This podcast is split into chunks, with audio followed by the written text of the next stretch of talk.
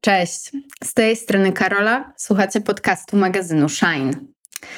Słuchajcie, dzisiaj możecie słyszeć lekkie takie wibrowanie w tle, ponieważ yy, lodówka, koło której muszę nagrywać, bo jest to jedyna yy, przestrzeń, do, która jest dostępna w tym momencie, postanowiła wydawać odgłosy. Nie wiem, czy je słyszycie. Czekajcie, przybliżę niej mikrofon na chwilę. Słyszycie to? No, w każdym razie nie jest to jakieś bardzo chyba uciążliwe. Mam nadzieję, że nie jest bardzo uciążliwe. Ale no jest sobie taka lodówka, która gada. W moim pierwszym mieszkaniu y, samotnym, w którym mieszkałam, też była taka lodówka, która gadała. Była, ona gadała jeszcze gorzej. Było dosyć straszne. Nie dało się koło niej spać, było bardzo trudno. W każdym razie i pamiętam, że kiedyś zaprosiłyśmy do nas naszą przyjaciółkę i ona spała właśnie w tym pokoju co lodówka i nie mogła zasnąć, więc postanowiła, że to jest świetny pomysł, żeby odłączyć tę lodówkę od kontaktu. I następnego dnia rano się obudziłyśmy i wszystko było y, no, w wodzie, wszystko płynęło, bo lodówka była odłączona całą noc. Więc nie będę tego robić, nie będę odłączać tej lodówki. Wierzę w to, że damy radę się dogadać e, mimo wszystko i z lodówką, i z wami, pomimo lodówki. E, słuchajcie, e, dzisiaj postanowiłam nagrać taki odcinek protestowy fak, jak już wiecie z tytułu tego odcinka, ale w ogóle o co chodzi? No więc na pewno, jak dobrze wiecie, od 7 miesięcy organizuję protesty osób z niepełnosprawnością i osób opiekuńczych oraz ich sojuszników w Warszawie. I pomyślałam sobie, że jak organizowałam ten pierwszy protest 7 miesięcy temu, to bardzo by mi się przydał taki fakt protestowy, że w ogóle wtedy nie wiedziałam, jak to robić, chociaż chodziłam dużo bardzo na protesty, ale nigdy nie byłam osobą, która je organizuje, tylko po prostu sobie na nie chodziłam i nie wiedziałam w ogóle, z czym to się je.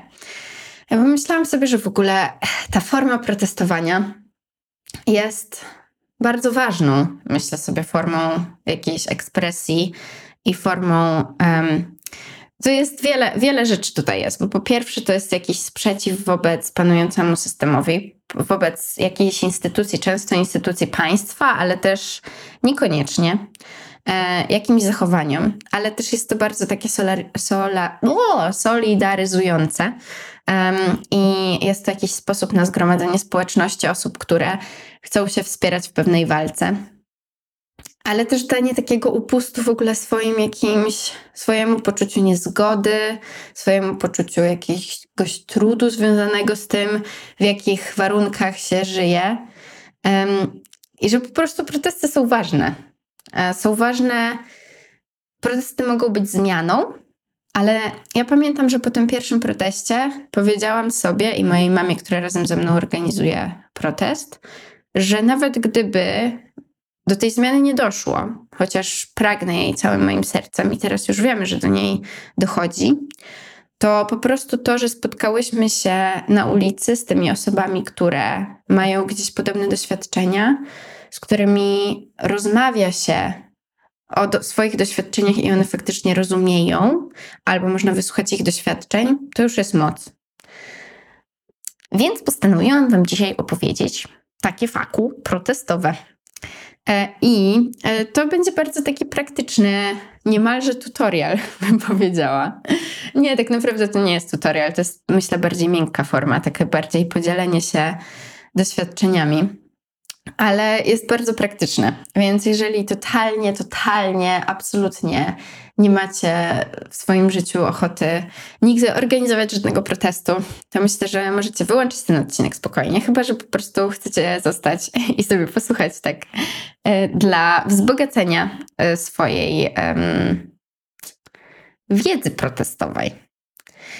Um, ale ogólnie ten odcinek kieruje bardzo do takich osób, które być może chciałyby zorganizować protest, e, albo protest, którego może jeszcze nie ma, protest osób, które jeszcze nie zostały usłyszane, e, które jeszcze nie miały swojej platformy do pokazania tego, co czują i jak żyją, i podzielenia się swoimi historiami. Ale może po prostu na przykład mieszkacie w miastach, w których jakiegoś rodzaju protest nie jest organizowany, a jest już organizowany w dużych miastach i chcielibyście go jeszcze przywieźć na, do, do tego swojego ogródka, do, do swojego miasta, do swojej wsi, do swojego, do swojej, nie wiem, szkoły, pracy. A ten protest już gdzieś tam się dzieje. Także zaczynamy. Wszystko zaczyna się od zarejestrowania protestu. E, czyli musicie wejść na stronę urzędu waszego miasta, czy po prostu miejsca, w którym mieszkacie, i tam znaleźć informacje o zgromadzeniach publicznych. Pobrać sobie formularz e, dotyczący zarejestrowania zgromadzenia publicznego i wysłać go, wypełnić go i wysłać go potem e, do, mm, pod adres e-mail, który będzie podany na stronie urzędu. I tam będą takie pytania o to, ile osób się spodziewacie, w jakim celu jest zgromadzenie, w jakim miejscu i w jakich godzinach. E, wysyłacie to. To można wysłać maksymalnie 30 dni przed organizacją zgromadzenia. I ja zawsze wysyłam dokładnie 30 dni przed i bardzo Wam polecam to robić, dlatego że ktoś Wam może potem ukraść miejsce na przykład tak było z naszym pierwszym protestem, że przez to, że ja go chciałam zorganizować tylko w odstępie pięciu dni pomiędzy zarejestrowaniem go a odbywaniem się jego faktycznie, to zarejestrowałam go pod Sejmem e, i, e, no i zadzwoniła do mnie pani z urzędu powiedzieć, że niestety już nie ma tego miejsca, bo już coś tam innego się tego dnia dzieje. Ale potem wszystkie kolejne protesty już rejestrowałam 30 dni wcześniej, pod Pałacem Prezydenckim, bo jednak okazało się, że to jest takie nasze miejsce. I. O, lodówka się zamknęła. E, że to jest takie nasze miejsce i nigdy się nie zdarzyło, żeby to miejsce było już zarezerwowane, więc 30 dni możecie sobie wpisać w kalendarz. Tutaj tego dnia mogę już zarejestrować protest i pamiętać o tym. Kolejna rzecz. Zaproście przyjaciół. Jeżeli organizujecie pierwszy protest, pierwszy protest w jakimś miejscu, w jakiejś miejscowości, e, ale też pierwszy protest dotyczący pewnego konkretnego tematu, to jest duże prawdopodobieństwo, że na to pierwsze zgromadzenie z tej okazji nie przyjdzie aż tak dużo osób, jakbyście chcieli, chciały, żeby przyszło. E, takie było nasze doświadczenie też, że na ten pierwszy protest, mimo tego, że był to duży zryw społeczny, bo on odbywał się tuż po opublikowaniu tekstu, gdzie są te dzieci w dupie Agnieszki Szpiri przez krytykę polityczną, to na ten pierwszy protest przyszło raptem, może przez całe trzy godziny było to 50 osób, ale raczej nie więcej. Dlatego, że ludzie zazwyczaj, tak mi się wydaje, z czasem, jak coś już trwa, tak jak nasz protest 2119 trwa już 7 miesięcy, to zaczynają ufać temu, co robimy. A jak to jest taki zryw, to ludzie trochę mają takie, no dobra, prawa osób z niepełnosprawnością, ale czy oni to na pewno chcą robić tak, jak ja o tym myślę?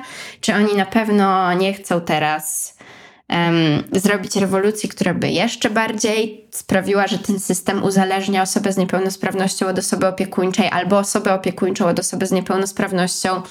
Po prostu ludzie zaczynają kwestionować, czy chcą się tam pojawiać i wspierać rzeczywiście tę sprawę, bo nie są pewni, czy to jest. Um, no po prostu jeszcze nie ma zbudowanej takiej, um, takiego zaufania do, do, do osób organizujących, do jakiejś idei, którą próbują przekazać. No więc zabierzcie przyjaciół. Um, ja zaprosiłam wszystkie moje osoby przyjacielskie na nasz pierwszy protest. Oczywiście nie wszystkie się pojawiły, ale to, że w ogóle były tam osoby, na które mogłam spojrzeć i pomyśleć sobie, okej, okay, nieważne co powiedzą o nas media, nieważne czy ktoś się zaraz pokusi na tej ulicy, ale ta osoba jest. I, I też po prostu robi tłum. Oprócz tego, że ją kocham i jest, to dodaje te jedno więcej ciało na ulicy. E, co jest ważne, bo poczucie, że jest trochę tych ciał na ulicy e, razem z tobą, e, po prostu daje poczucie siły. Nagłośnienie mega jakąś podstawową, najważniejszą sprawą jest nagłośnienie. E, organizowane też były inne protesty, nasze protesty, te 2119 w innych miastach. Dwukrotnie w Poznaniu, raz w Policach i raz w Ostrowi. I nagłośnienie to była najbardziej podstawowa rzecz na świecie. Po prostu bez nagłośnienia nie ma protestu, dlatego że ludzie przychodzą, jest zazwyczaj trochę zimno, jeśli to nie jest lato, i tak naprawdę jedyne, co ich trzyma, to jest to, że mogą słuchać jakiegoś głosu, który jest y, interesujący, albo jakichś głosów, które są interesujące. I też wymaganie od siebie tego, żeby kupować samemu to nagłośnienie jest dosyć szalone, bo to po prostu kosztuje dużo pieniędzy.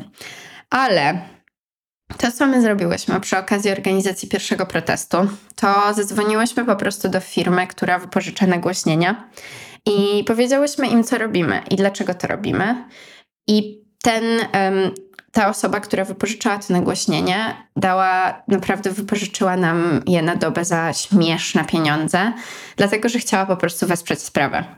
Więc wiecie, no to na pewno nie będzie tak zawsze wyglądało, ale myślę sobie, że że fajnie jest zachować taką otwartość na to, że można komuś powiedzieć: Słuchaj, robię coś dobrego, robię to totalnie za darmo i płacę ze swojej kieszeni, więc może chciałbyś, chciałabyś wesprzeć to, co robię. I wtedy gdzieś to nagłośnienie może uda się dostać za symboliczną kwotę. Ale e, też drugi super sposób jest taki, żeby połączyć siły z innymi grupami protestującymi, dlatego że jeżeli macie jakichkolwiek ziomali w grupach, które protestują, no to oni pewnie już mają to nagłośnienie, bo pewnie organizują to już od jakiegoś czasu. I my na przykład teraz mamy nasz głośnik, dlatego że dostałyśmy wsparcie od funduszu feministycznego i kupiłyśmy wtedy głośnik. I gdyby teraz ktoś się do mnie odezwał i chciał pożyczyć ten głośnik z mikrofonami i protestowałby w sprawie, w którą też chciałabym wesprzeć i bym wierzyła, to to miałabym takie, kurde, no oczywiście, bierz ten głośnik i korzystaj. Ale też w drugą stronę nam to zadziałało, dlatego że e, my teraz już ten głośnik nam nie starcza, bo nasze protesty już się zrobiły coraz większe i po prostu głos z, tego, z tej naszej wieży nie dociera do takich e, ostatnich ludzi, ostatnich rzędów, powiedzmy, na tym krakowskim przedmieściu. I na ten protest kwietniowy, 15 kwietnia, zapraszam, godzina 15 pod Pałacem Prezydenckim, udało nam się pożyczyć nagłośnienie od Socjalnego Kongresu Kobiet. I ja tak naprawdę tak rzuciłam to, że a może macie jakiś pomysł z tym nagłośnieniem i co się stało? Dziewczyny z Socjalnego Kongresu Kobiet powiedziały: Totalnie mamy nagłośnienie i bardzo chętnie Wam je pożyczymy, i super, i to nagłośnienie jest ekstra. I mamy ekstra nagłośnienie za darmo. I na dodatek poczucie bycia wspartą w ramach społeczności osób aktywistycznych, czyli sztos, najlepiej na świecie.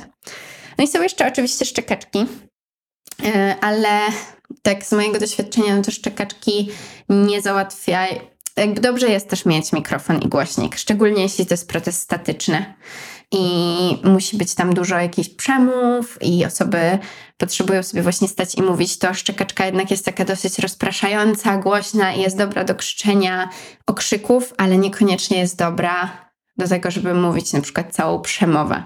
A więc szczekaczki fajne, ale powiedziałabym, że nie są konieczne, a jeżeli macie do wyboru szczekaczki albo mikrofon z głośnikiem, to ja bym jednak zainwestowała z mikrofon z głośnikiem.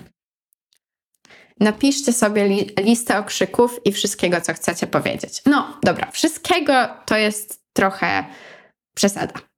trochę tutaj tak, zagalopowałam się. Nie, nie wszystkiego, co chcecie powiedzieć, ale napiszcie sobie trochę rzeczy, które chcecie powiedzieć. A okrzyki to myślę, że w ogóle są najważniejsze, żeby sobie napisać. Bo ja przeżyłam nasze protesty i wtedy, jak miałam listę okrzyków, bardzo długą, i wtedy, kiedy nie miałam żadnej i wymyślałam je na gorąco. I to jest trudne, dlatego że przychodzi stres i stoisz sobie i próbujesz w głowie sobie wyliczyć te sylaby, tak żeby wszystko się rymowało i żeby jeszcze był taki fajny rytm i żeby jeszcze to pasowało w ogóle do tego, czemu protestujecie.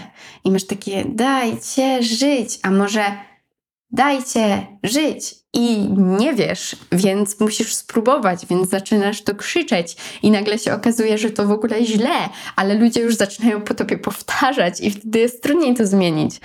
E, więc polecam napisać sobie listę okrzyków i po prostu je mieć, bo to jest bardzo uspokajające. I też momenty takiej, takich przerw, kiedy jest cisza, one w ogóle są spoko. W sensie może być na proteście cisza i to jest okej. Okay. Ja mm, wielokrotnie na tych pierwszych protestach próbowałam tak gadać, gadać, gadać, gadać, gadać i w ogóle się nie zatrzymywać. Żeby cały czas był zapełniony i żeby ludziom się na pewno nie nudziło. Tak jakbym ja mogła to zagwarantować, nie? I dużo osób do mnie podchodziło i mówiło po prostu: Hej, Karola, wiesz, jakby to jest spoko, nie musisz cały czas gadać, nie musisz nas cały czas animować. My tu przyszliśmy w jakiejś sprawie i możemy też sobie postać i pogadać, to jest w porządku. I w ogóle mam dużo wdzięczności dla tych osób, bo ja byłam bardzo przerażona tym, że jak nie będę mówić, to ludzie odejdą, bo im się będzie nudziło. A co do takiego przemówienia, które chciałybyście, chcielibyście powiedzieć, to też mi się wydaje, że jest to dobrze je mieć gdzieś spisane, dlatego że potem to się, sensy się trochę gubią e, i znaczy niektórzy mają też jakiś taki naturalny dar opowiadania i wydaje mi się, że na przykład Agnieszka Szpila taki ma, jak jest na naszych protestach i się wypowiadała, to po prostu miała taki flow. Ale ja widzę po sobie, że no ja nie mam za bardzo takiego flow y, i mam jakiś pomysł na to, co chcę powiedzieć, ale gdzieś mi się gubią sensy, dlatego że tak dużo ludzi mnie słucha. Wiadomo, że przez ten mikrofon tak połowa tych rzeczy dociera, ale to nie jest tak, że masz intymną rozmowę z kimś jeden do jednego, prosto w oczy, coś komuś opowiadasz, tylko że gdzieś te słowa też czasem wypadają, jest wiatr, więc dobrze to sobie napisać, tak żeby potem samemu widzieć, że to jest bardzo prosta i jasna struktura i że nie, wiecie, nie błądzi się tak dookoła, dookoła, dookoła, aż w końcu się dociera do setna, tylko że jednak są w tym są w tym na tyle bezpośrednie przekazy, że nawet jak ktoś wysłucha połowy, to i tak wie o co ci chodziło, że może jest mniej wzbogacony tym, co chciałaś, chciałaś przekazać, ale że wiedzą o co chodziło. Wybierz miejsce dostępne dla swojej społeczności. To jest bardzo ważne. I nie ma tutaj takiej dobrej jednej reguły, dlatego że to będą na pewno bardzo różne osoby, które będą z Wami protestowały. Ale podam, opowiem Wam to na swoim przykładzie. U nas osoby, ponieważ to jest protest osób z niepełnosprawnością i osób opiekuńczych, to wiadomo, że będą też na tym proteście takie osoby z na przykład niepełnosprawnością ruchową i które nie będą mogły się na tyle swobodnie przemieszczać, żeby na przykład zorganizować protest, który przejdzie, nie wiem, przez całe pół Warszawy.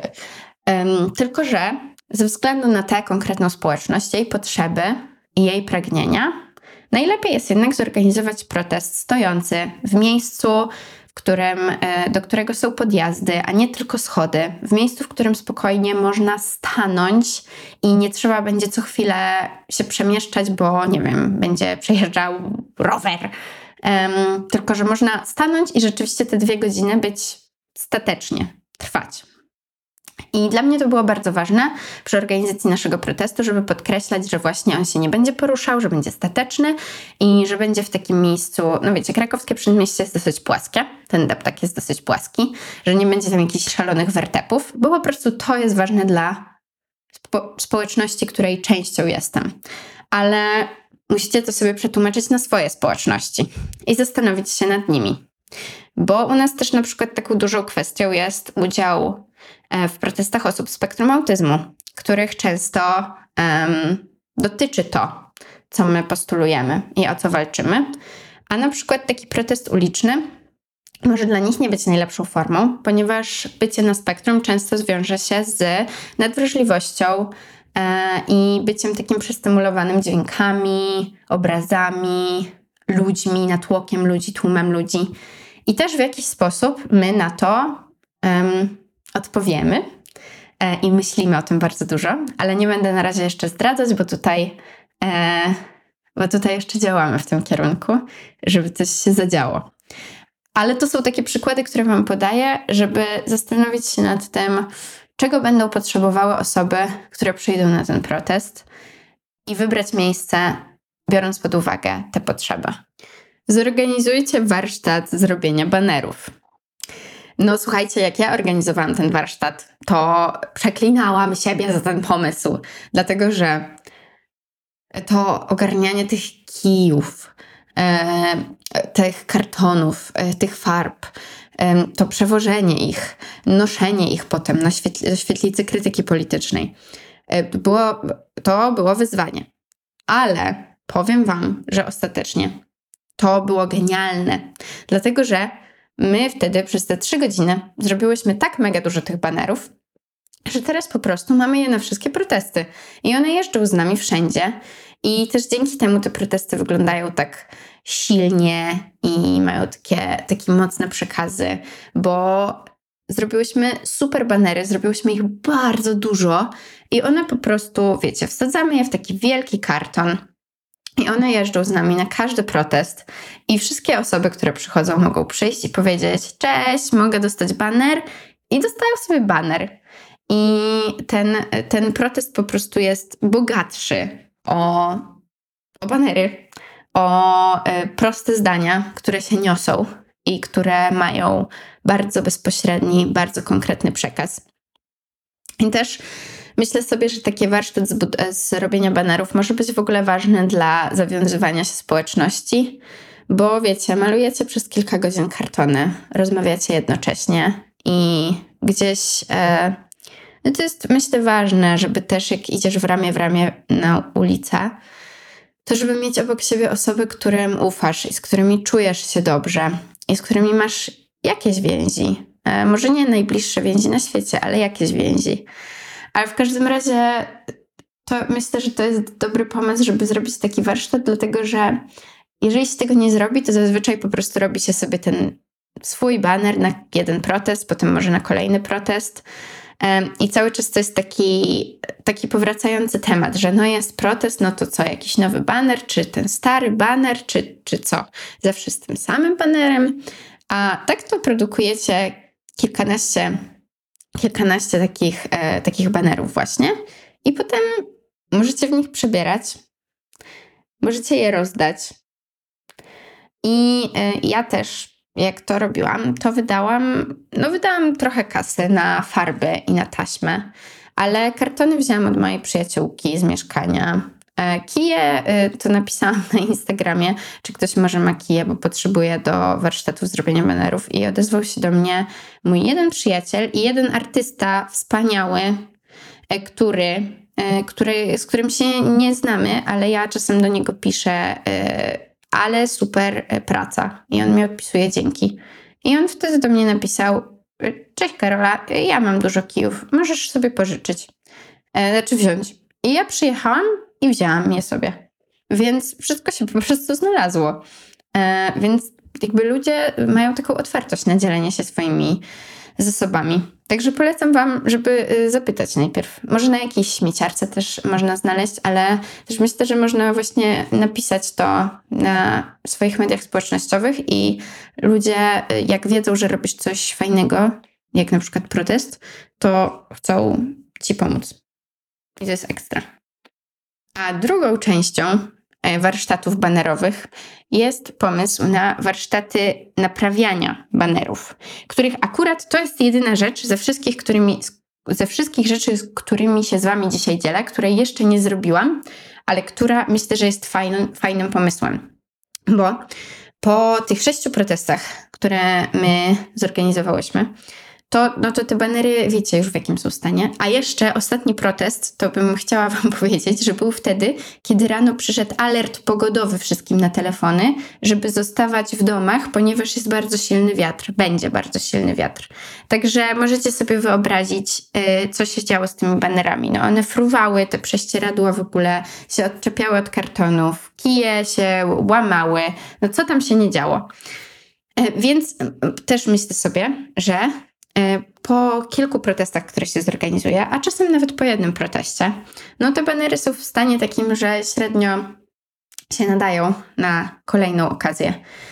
I można spędzić oczywiście kilkanaście godzin samemu, e, doklejając, e, doklejając kartony do siebie, poprawiając napisy, e, doczepiając porządniki je, ale można też wykorzystać tę okazję, zgromadzić ręce do roboty, e, zaparzyć herbatkę albo kawę e, i kupić ciperki i spędzić kilka godzin w miłym towarzystwie, jednocześnie nie poświęcając kilku dni swojego życia na to, żeby naprawić te banery, a zrobić coś miłego razem ze społecznością.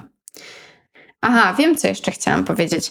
Że wiecie, to tak poważnie brzmi warsztat, ale tak naprawdę to możecie to zrobić po prostu u siebie w mieszkanku. Um, I my akurat to zorganizowałyśmy w Świetlicy Krytyki Politycznej przy Jasnej 10 w Warszawie, dlatego że mamy tam wspaniałe osoby przyjacielskie i sojusznicze, które nam udostępniły przestrzeń, ale też e, dlatego, że nie bardzo miałyśmy inne miejsce, e, bo ja tego nie mogłam zrobić w domu moich rodziców, a sama nie mam mieszkania w Warszawie.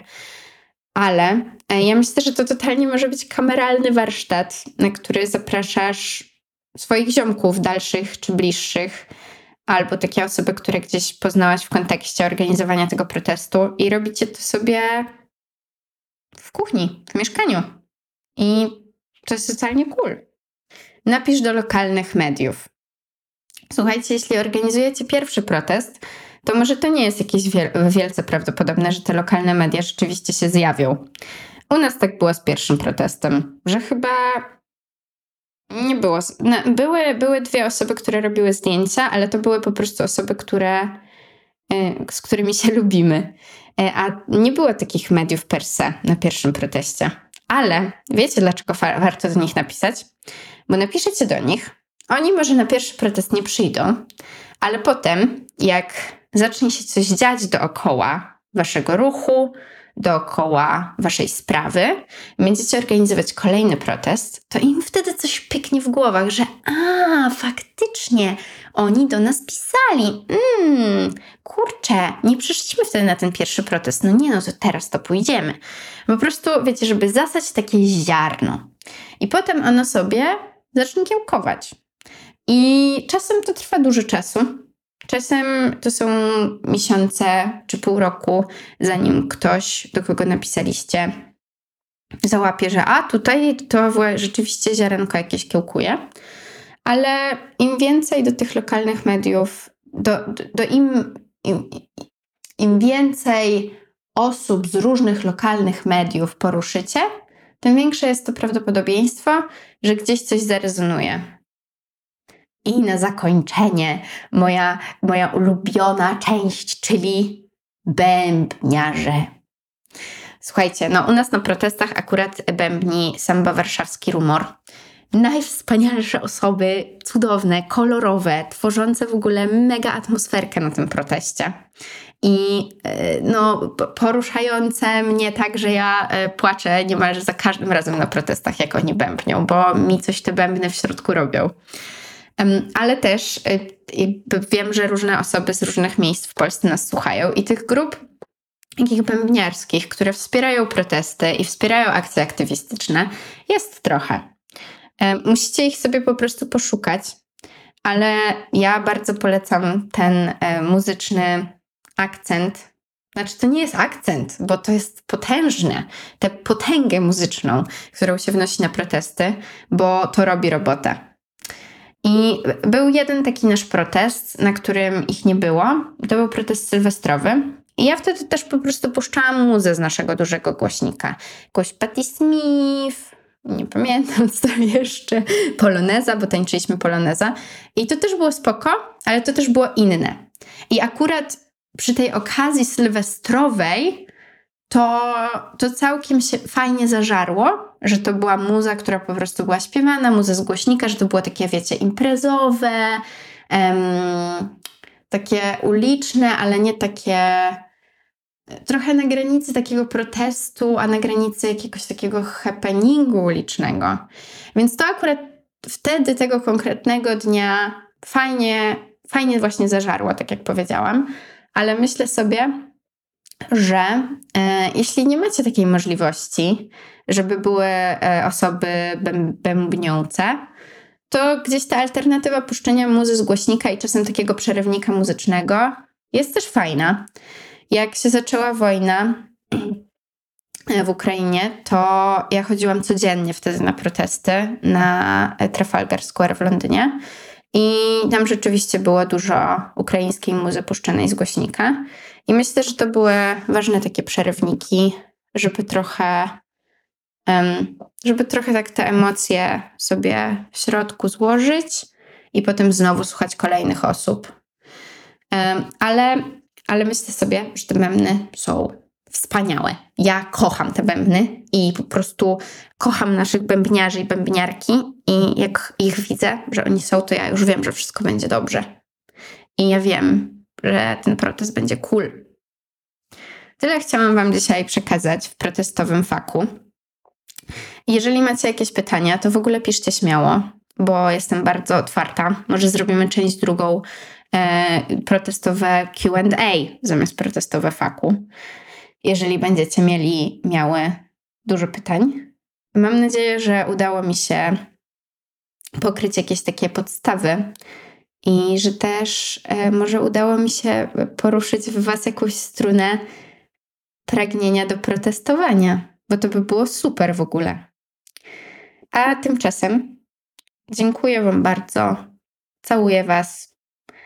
Wysyłam ciepełko i słyszymy się za dwa tygodnie. Aha, a w międzyczasie będą święta wielkanocne, które nie wiem, czy świętujecie, czy nie świętujecie, w jakim wymiarze świętujecie, ale, no ale wiem, że na pewno dużo z nas, e, większość z nas, albo dużo z nas żyje w takiej albo wierze, albo kulturze jakoś obchodzenia w, jakiś, w jakimś wymiarze tych świąt. Dla niektórych to jest właśnie związane z wiarą, dla innych jest to bardziej obyczajowe. Ale w każdym razie chciałabym Wam życzyć tego, żebyście byli blisko siebie w tym okresie i, i opiekowali się sobą. Trzymajcie się. Słyszymy się za dwa tygodnie.